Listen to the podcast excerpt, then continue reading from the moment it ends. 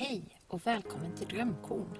En liten specialare från podcasten Drömmen om målarjord som handlar om att följa sitt hjärta och sin inre kompass. Jag heter Maria Estling Mannerstål och sedan jag startade podden 2015 har jag spelat in massor av samtal med en rad kloka och intressanta människor.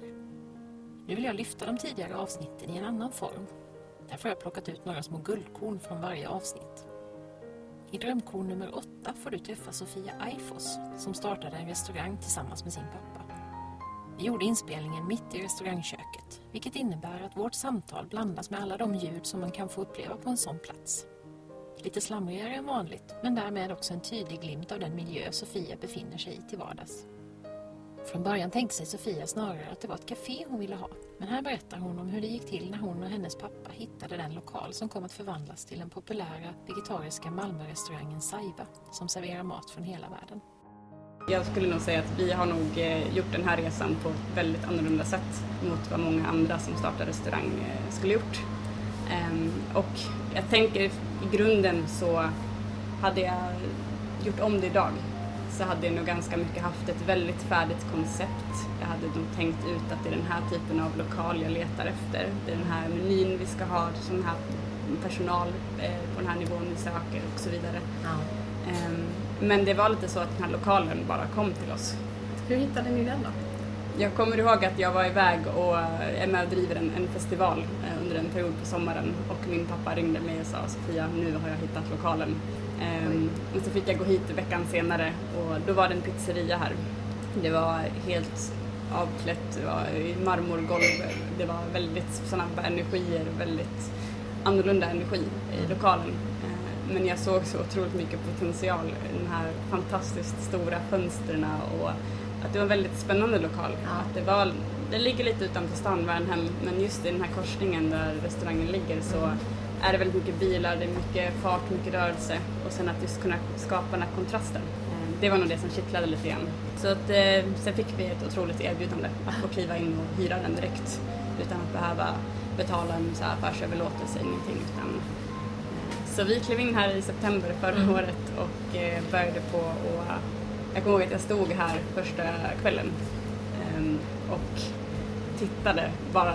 Jag stod nog här i säkert tre, fyra timmar bara, vad ska jag skapa av det här? Det var en fantastisk känsla.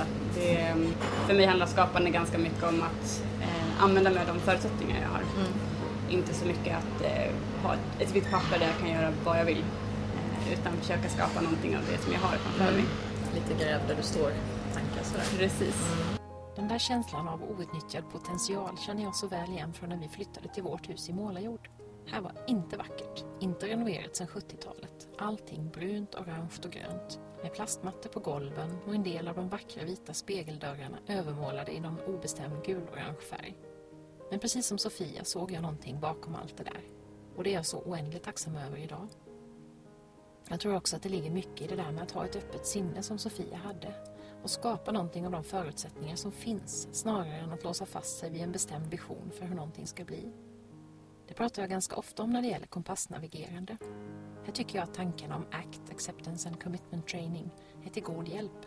Man pratar inte så mycket om att sätta upp konkreta mål, utan mer om att identifiera sina livsriktningar. De där mer långsiktiga, lite luddigare visionerna om vad som är viktigt att sträva mot. En av mina viktigaste livsriktningar är kreativitet och så länge jag känner att jag får använda den på olika sätt spelar det egentligen inte så stor roll vad det är jag skapar böcker, poddavsnitt eller nya odlingsytor. Sofia är också en väldigt kreativ person och i hennes fall kommer kreativiteten bland annat till uttryck i skapandet av maten som inte bara är välsmakande utan också vacker. Tro mig, jag åt lunch där efter vår inspelning. Så är det det där med att jobba tillsammans med sin pappa. Hur har det varit undrade jag.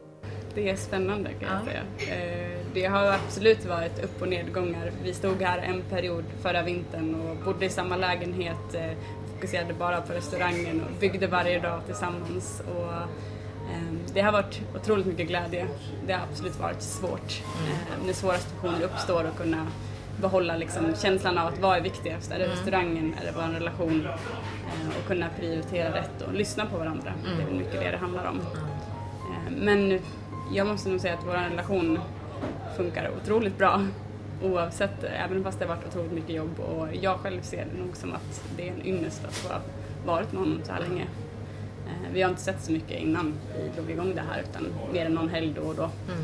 Så det har varit väldigt roligt. Jag har precis som Sofia erfarenhet av att jobba tillsammans med människor som står mig nära, vilket har varit och är en ynnest på många sätt. Samtidigt har jag, precis som hon, ibland haft anledning att reflektera över det arbetet och hur det har påverkat relationerna. Sara och jag jobbade ju nära tillsammans en period, men kom senare fram till att vi ville lite olika saker. Idag är därför våra verksamheter åtskilda, men vi sitter gärna tillsammans och jobbar sida vid sida. Jag tror att den skilsmässan, eller vad man ska kalla den, blev så bra just för att vi pratade öppet om relationer och vad vi egentligen ville och kände. Och så har vi kvar vår gemensamma samtalscirkel, nästan som ett litet kärleksbarn. Min dotter Sanna och jag har ju också haft flera jobbprojekt ihop. De tre bilderböckerna om Lovis ansjovis och två gemensamma boköversättningar. För en tid sedan bestämde vi oss för att avsluta samarbetet med Lovis-böckerna medan jag förmodligen kommer att fortsätta med det projektet i en lite annorlunda form. Vi får se om det blir några fler gemensamma projekt. Nu är vi i alla fall snart klara med översättningen av boken Aktivt hopp som kommer ut på svenska i vår.